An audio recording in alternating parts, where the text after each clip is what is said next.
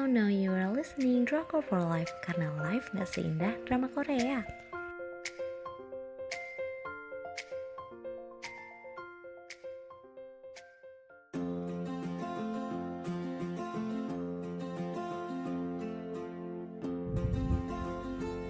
Aku bakal bacain review drama Korea It's Okay That's Love Psycho drama yang menurut aku awesome banget dengan saluran penyiaran SBS tanggal penayangan 23 Juli sampai 11 September 2014 kemudian jumlah episodenya ada 16 episode. Ratingnya adalah 5 dari 5 ini salah satu drama yang aku anggap sempurna dari alur ceritanya konfliknya dan endingnya.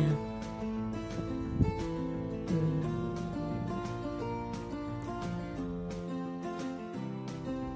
selanjutnya aku bakal bacain sinopsis drama Korea yang bertemakan mental health ini one of my favorite drama all the time. Kenapa? Karena ya emang wajib banget kalian tonton drama ini tuh menceritakan tentang seorang psikiater wanita bernama Ji Hesu yang ceria, tangguh dan juga pintar. Di balik sikapnya tersebut, dia memiliki rasa trauma yang mendalam mengenai komitmen dalam pernikahan serta fobia pada seks. Secara tak sengaja ia bertemu dengan Chang Jae-yol seorang penulis novel sekaligus DJ radio tampan yang disukai banyak banget wanita. Selama ini, Cheol ternyata mengidap penyakit obsesif kompulsif disorder akibat masa lalu yang dialaminya.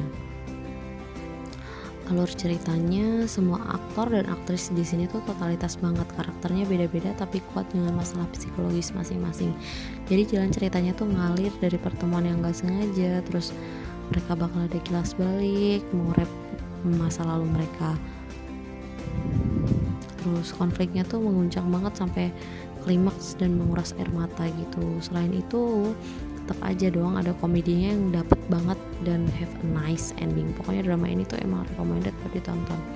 Terus aku mau bahas tentang penokohan yang pertama adalah Ji Heso diperankan oleh Kong Hyo Jin. Dia sangat pawai dalam perannya dan dia sukses menciptakan karakter Hesu yang ceria. Masa lalunya dia pernah lihat ibunya selingkuh dan bikin dia gangguan dia punya gangguan genofobia gitu yang merupakan rasa takut berlebihan dan irasional terhadap seks. Karena itu, Heisu takut dan cemas saat mencium atau bahkan tidur dengan pria meskipun dia cinta. Di sisi lain, dia sendiri itu psikiater dan itu mungkin yang akhirnya membuat dia ingin sembuh dari fobianya. Kemudian ada Chang Jae-yol diperankan oleh Cho In Sang. Dia meraih seorang penulis dan DJ. Jae-yol ini punya banyak fans dan terkenal banget, tapi dengan masa lalu pahitnya e, nyebabin dia punya luka psikologis. Semua masalah yang dia pendam selama ini tuh munculkan karakter Kang Woo sebagai halusinasinya. Padahal di awal dia memiliki penyakit OCD karena dia mengatur barangnya dengan warna dan letak yang sama. Dia juga memiliki kebiasaan tidur di kamar mandi. Sebenarnya dia menderita skizofrenia yang menyebabkan dia tidak bisa membedakan mana yang real dan mana yang halu. Sindrom ini disebabkan karena trauma pada masa lalunya. Kemudian Han Kang Woo diperankan oleh Ji-oh. Hmm, spoiler sih ya sebenarnya penjelasan tentang karakter Kang Woo ini. Yang buat aku sedih ternyata tokoh ini hanyalah halusinasi dari Cheol semata. Tapi Do Kyung Soo keren banget peranin Kang that's because karena dia sedih rasanya kayak sedih rasanya dia tuh kayak bikin ikut kita pedih gitu. Kanggu itu suatu halusinasi yang terbentuk karena masa lalunya Jaeol dan bagusnya si tokoh Kanggu ini diciptakan dengan sedetail mungkin dan membuat aku di awal tuh nggak nyangka kalau dia cuma halusinasi. Kemudian ada Pak So Kwang diperankan oleh Lee Kwang Soo. Di drama ini sebelumnya Jaeol pindah ke rumah Hesu Nah, Hesu tinggal bersama dua temannya, yaitu Jodong. Jodong Min, seorang psikiater senior, dan Pak So Kwang, yang merupakan pelayan di kafe. Si So Kwang ini yang bikin dramanya jadi komedi gitu. Beberapa adegan lucu terjadi antara tokoh itu. So Kwang memiliki sindrom Tourette. Dia biasanya melakukan gerakan secara tidak teratur dan berulang-ulang bahkan dia sering mengumpat dengan nggak terkendali dan saat melihat ciuman atau saat panik. Meskipun gak gampang, tapi Lee Kwang Soo menjiwai ini benar-benar kayak mengidap sindrom itu. Terus kisah cinta-cintaan si Su Kwang ini selalu gagal karena dia punya sindrom Tourette itu. tapi dia malah jatuh cinta lagi dengan Oh Sonyo, seorang mahasiswa SMA yang bandel. Oh Sonyo sendiri memiliki gangguan kontrol impulsif yang menghasilkan dorongan tak tertahankan untuk mencuri, yaitu kleptomania.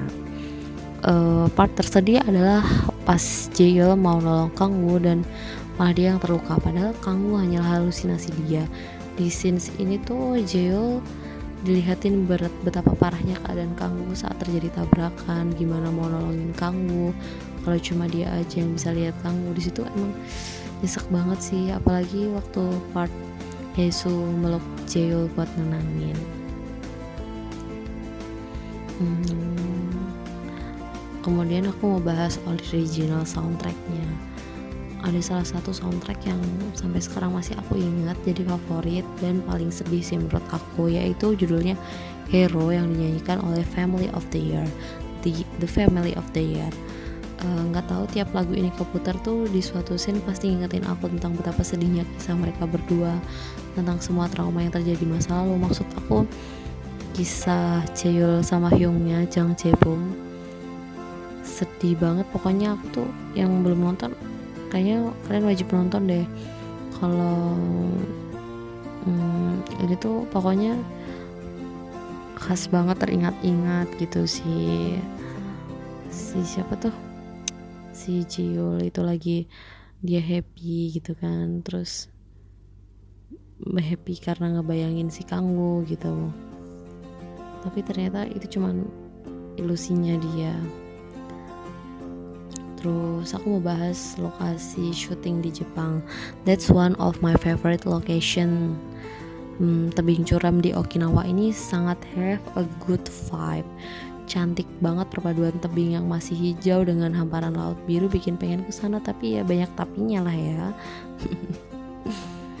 Manzamo yang berlokasi di desa Onna merupakan sebuah tebing pinggir laut dengan posisi menjulang tinggi dan kokoh menghadang lautan. Selain itu banyak banget lokasi drama ini yang keren-keren. Contohnya di scenes di mana mereka main ciprat-cipratan air. Terus banyak deh drama ini tuh banyak banget pesan yang disuguhkan secara nggak langsung. Yang pertama, cinta nggak selalu soal bahagia, kesempurnaan atau hati yang berdebar, tapi juga rasa sakit, rasa bersalah, kesedihan, menerima kekurangan, menyesal dan lain-lain.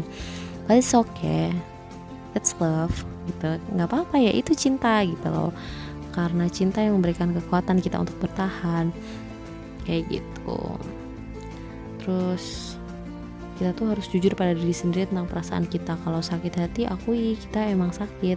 Kalau ngerasa salah ya udah akuin aja salah gitu. Kalau tertekan jangan maksa buat bertahan.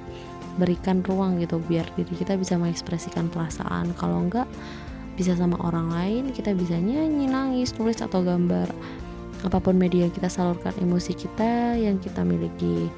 Uh, kalau masih nggak mampu menahan beban perasaan uh, ya bagikan aja sama orang yang kita percayai bagiin ke Tuhan Kemudian drama ini juga berhasil mengubah sudut pandang aku nih terutama meng mengenai mental disorder. Penyakit jiwa itu nggak terjadi begitu aja gitu.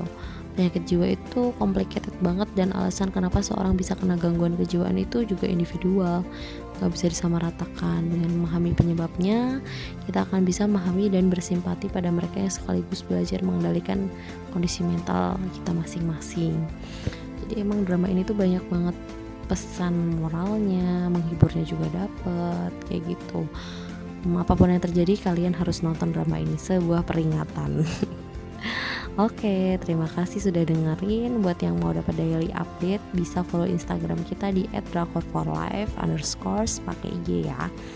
Terima kasih, selamat nonton.